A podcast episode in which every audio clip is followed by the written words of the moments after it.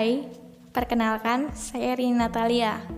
Di sini saya ingin membahas satu hal yang menarik nih, yaitu tentang wacana yang lagi viral saat ini, tentang penghapusan mata kuliah Pancasila sebagai mata kuliah wajib di perguruan tinggi.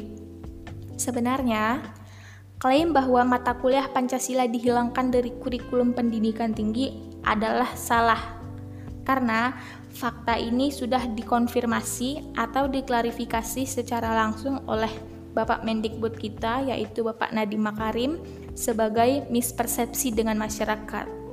Karena kalau memang benar Pancasila dihapuskan, saya juga tidak setuju. Karena tindakan ini nih bisa berbahaya banget loh. Bisa berpotensi mengubur inti dari hakikat berbangsa dan bernegara Indonesia. Karena secara politik, agama dan kewarganegaraan itu penting dan diwajibkan. Maka, penghapusan Pancasila adalah menghapus landasan sebagai nilai moral. Maka hal ini juga bakal sangat membahayakan bagi masa depan negara kesatuan Republik Indonesia. Pendidikan Pancasila juga salah satu mata pelajaran pendukung pengembang karakter manusia paling bagus pendidikan Pancasila di tingkat perguruan tinggi juga sangat penting artinya karena merupakan proses lanjutan pembentukan karakter bagi manusia di mana akan berlangsung sampai manusia itu menemui ajalnya. Wow. Kedua, pendidikan Pancasila ini berperan sangat penting dalam pembentukan moral, adab, perilaku, dan kepribadian yang sehat serta berjiwa nasionalisme.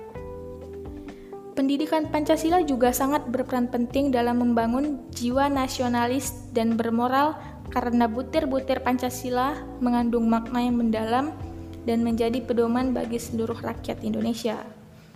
Lewat kegiatan pendidikan, diharapkan bagi peserta didik seperti mahasiswa, murid-murid, atau Gen Z, generasi milenial, pokoknya generasi muda zaman sekarang bisa menyerap nilai-nilai moral Pancasila yang diarahkan berjalan secara manusiawi dan alamiah tidak saja lewat pengalaman secara pribadi.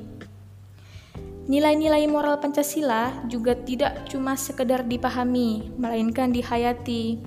Oleh karena itu, penyerapan nilai moral Pancasila bukan lewat proses indoktrinasi ya teman-teman. Selain itu, Generasi muda juga perlu menanamkan nilai persatuan Indonesia karena kehidupan kampus bagi mahasiswa yang majemuk terdiri dari mahasiswa berba oleh berbagai tempat, berbagai daerah, bahkan ada yang dari berbagai negara untuk kampus yang internasional ya.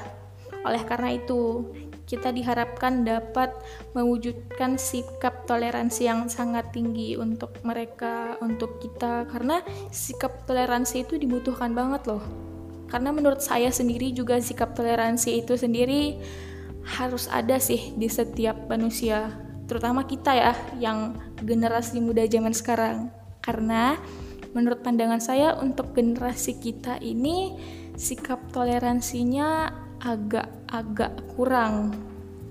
Oleh karena itu diharapkan bagi para pendengar dan teman-teman sekalian tolong timbulkan lagi sikap toleransinya karena ya kita hidup di negara Indonesia kan. Baiklah, cukup sekian saja uh, podcast yang sangat singkat dari saya. Saya harap teman-teman serta pendengar lainnya dapat mengambil hikmah atau maknanya. Sekian dari saya Rina Natalia. Sekian terima kasih.